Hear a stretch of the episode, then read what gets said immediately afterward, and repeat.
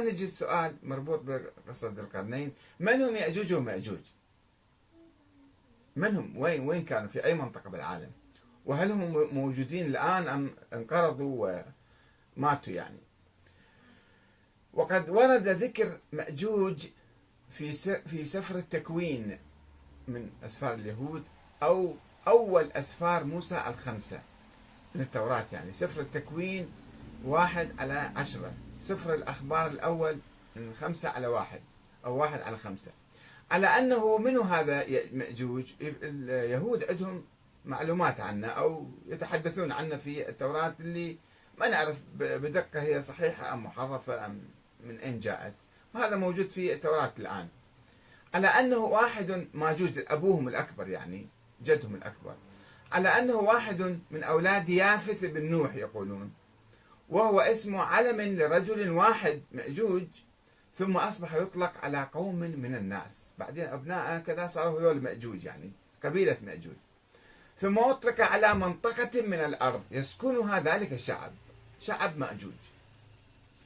وهذا عادي يعني دائما قبيلة تتكون من شخص واحد ثم تسكن منطقة يسمون المنطقة باسمهم. وهو اسم وذلك حسب ما ورد في رؤيا حزقيال اللي هذا كان عايش من سنة 570 قبل الميلاد إلى 622 يعني في القرن السادس والسابع. آه، آه، ورد في هذا رؤيا حزقيال عند رؤى آه، تنبؤات يعني. يا ابن آدم اجعل وجهك على جوج أرض يأجوج جوج أرض يأجوج رئيس روش ماسك وتوبال هذه عبارة بالنص يعني.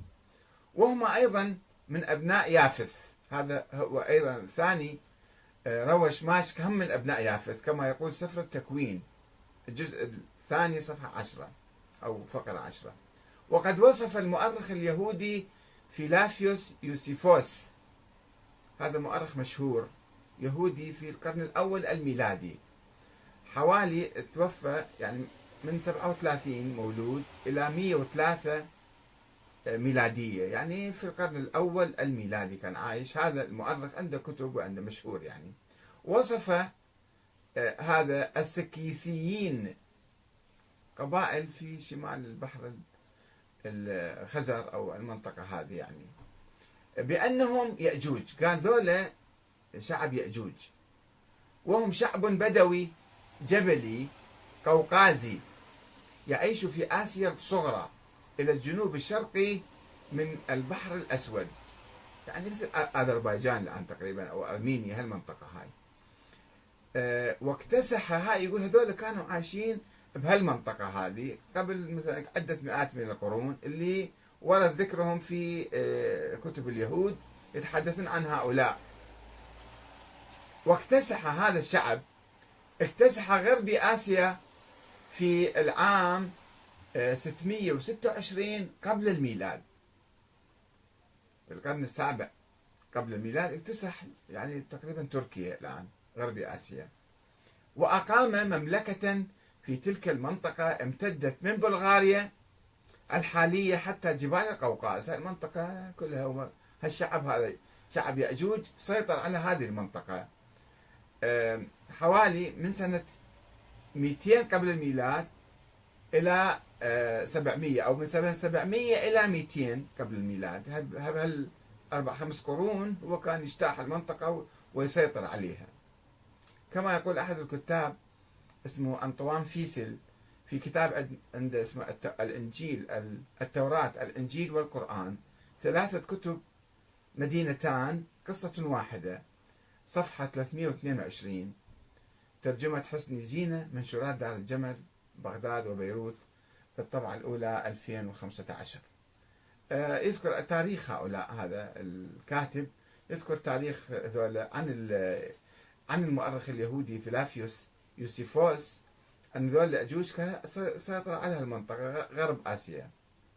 وقد عبر النبي اليهودي حزقيال الذي عايش تلك الأحداث تلك الفترة عن مخاوفه من اجتياح يأجوج لمملكة بني إسرائيل. أنهم راح يجون علينا أيضا. خطر كان ماثل ذيك الأيام. آه، كما ورد في آه، سفر حزقيال 5 على 38 و12 على 38 أو 3 يعني وتنبأ بأن الله حزقيال يقول تنبأ بأن الله سيقضي على يأجوج ويمطر عليها نارا. كما يقول فيعلمون أني أنا الرب قدوس إسرائيل هذا موجود في سفر حزقيال 38 آه، على 16 و 39 ولكن هذا يعني قصص تاريخية قديمة آه، يعني آه، يأجوج ومأجوج مذكورين كقبائل تهاجم المناطق وتشكل مخاوف على منطقة الشرق الأوسط ومنطقة فلسطين وهذه المنطقة.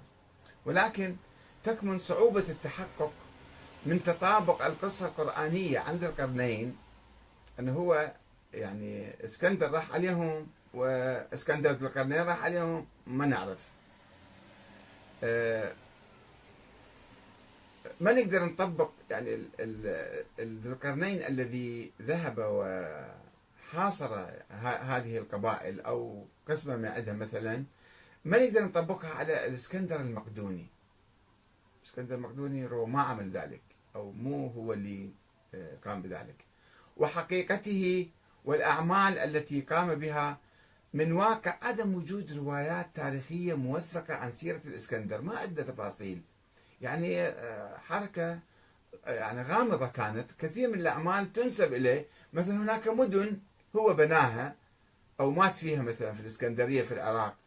وإسكندرية مصر وإسكندرية كذا. هذه باقي آثار تاريخية. ولكن ماذا قام؟ ماذا فعل؟ بالتفصيل ما نعرف عنه. ما لا توجد عنه روايات تاريخية مفصلة وموثقة. آه، يعني آه، عدم وجود روايات تاريخية موثقة عن سيرة الإسكندر ما عدا بعض الكتب الخيالية المؤلفة في وقت متأخر بقرون عن حركته. وعما قام به إجوا ناس كتبوا كتب عنه أن الإسكندر فعل كذا راح إلى كذا سوى كذا. ما نعرف مدى صحة ذلك. هذا إسكندر المقدوني. آه، يقول أيضا أحد الكتاب فيسل آه، أنطوان فيسل يقول في العام 628 إلى 629 وضع في السريانية ربما ربما بعد 628 مؤلف وضع مؤلف بعنوان مآثر الإسكندر المجيدة بطولات مال أجدادهم يعني. فقد اعتمد الإمبراطور البيزنطي هرقل اللي حكم من 610 إلى 641 يعني زمن النبي كان هذا. آه، وأبان الحرب على الفرس اعتمد هذا الإمبراطور البيزنطي إبان الحرب على الفرس على الدعاوى الدينية لتأليب حلفائه آه، وتعزيز المعنويات البيزنطية وتقويتها. فلجأ إلى أسطرة قصة آه، الإسكندر ووضع قصص خيالية عنه وتقويتها. وكان القصد من هذا الكتاب بعيد نهاية الحرب الترويج لقضية الإمبراطور السياسية. آه، إعادة بسط السلطة البيزنطية على الولايات التي كانت تحت الحكم الفارسي لردح من الزمن. فحتى عضلات وقوته وكذا فراح عمل آه، كتاب خيالي عن الإسكندر المقدوني. كما يقول أيضا في هذا الكتاب أنطوان فيسل يعني. ولذلك فقد تحول الإسكندر المقدوني إلى أسطورة. لا يمكن التحقق مما ينسب إليه. ولا نعرف بدقة ما إذا كان مؤمنا حقا ونبيا أو كافرا. يعني تنسب إليه التاريخ المعروف الآن أن هو كان كافر وثني وكان ظالم. في حقيقته هل كان مؤمنا؟ الله أعلم. ربما يشير القرآن إليه وهو كان في حقيقته مؤمن ولكن الصورة التي انطبعت عنه أنه كافر وظالم. ولا ينبغي أن نعتبر حديث القرآن عن ذي القرنين حديثا تاريخيا عن الإسكندر أن نطبق على الإسكندر ما يطبق حديث القرآن عن الإسكندر هذا كافر وثني ذاك مؤمن يطلق الوحي من الله أقرب ما يكون إلى نبي يعني. رغم تشابه ما يتحدث به القرآن مع الكثير مما يعرف عن الإسكندر ولا سيما محاصرته لقوم يأجوج ومأجوج. كذلك رغم توقع اليهود والمشركين من النبي محمد الإجابة عن سؤالهم عن الرجل الطواف في المشرق والمغرب. فكان ذهنهم ربما كان يتبادر إلى إسكندر ذو القرنين اللي قبل مثلا آه، ألف سنة تقريبا كان قبل النبي محمد. هذا كان آه، قام بهاي الأعمال. فهل كان هذا صحيح أو لا؟ هم كان ذهنهم يسألون عن هذا. فالنبي عندما أجابهم بهذا الجواب أو الله تعالى عندما نزل القرآن في الإجابة آه، عن أسئلتهم هل كان الله يعني هذا الإسكندر ذو القرنين أو واحد آخر؟ وبغض النظر عن هوية ذي القرنين الشخصية سمنه هذا ما نعرفه. وما فعله حقا بقوم يأجوج ومأجوج. فعلا هو الذي وضع الحديد أو قصة رمزية شبهاتهم وكما يفسر بعض الناس الآن مثلا بدون دليل طبعا يفسرون تفسيرا يعني اعتباطيا أنه هذا المقصود في رد الشبهات شبهات الملحدين وضع سد يعني علمهم كيف يردون عليهم فإن القرآن ينص في موضعين في سورة الكهف والأنبياء. ينص على تحطيم الله للسد الذي بناه ذو القرنين. وخروج يأجوج ومأجوج كعلامة من علامات يوم القيامة حيث يقول القرآن الكريم فإذا جاء وعد ربي جعله دكاء وكان وعد ربي حقا. وتركنا بعضهم يومئذ يموج في بعض ونفخ في الصور فجمعناهم جمعا. الكهف 98 و 99 فهذا يعني يتكلم عن عن قوم موجودين الآن وينتهون يوم القيامة. وحد آية الأخرى وحتى إذا فتحت يأجوج ومأجوج وهم من كل حدب ينسلون واقترب الوعد الحق. فإذا هي شاخصة أبصار الذين كفروا يا ويلنا قد كنا في غفلة من هذا بل كنا ظالمين. الأنبياء 96 و 97 وهو هذا الكلام عن مستقبل مستقبل يأجوج ومأجوج يتفق مع رؤيا حزقيال. وسفر يوحنا سفر يوحنا. اللذين أشار إلى يأجوج ومأجوج. بأنهم يظهرون في الفترة الأخيرة التي تسبق يوم الدين في آخر الزمان حيث سيطلقون يطلقون من عقالهم لارتكاب شرورهم بانتظار عودة المسيح وأن ظهورهم شرط من أشراط الساعة. ظهور هؤلاء يأجوج ومأجوج شرط من أشراط الساعة كما نقرأ في رؤيا يوحنا الآن مثلا. يقول يخرج الشيطان ليضل الأمم الذين في أربع زوايا الأرض.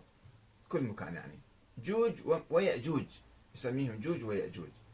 ليجمعهم للحرب الذين عددهم مثل رمل البحر. ذولا يجون ناس يعني لا يعدون ولا يحصون.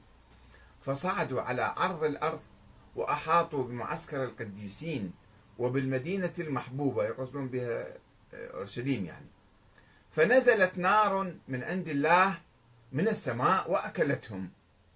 وإبليس الذي كان يظلهم طرح في بحيرة النار والكبريت حيث الوحش والنبي الكذاب وسيعذبون نهارا وليلا إلى أبد الآبدين.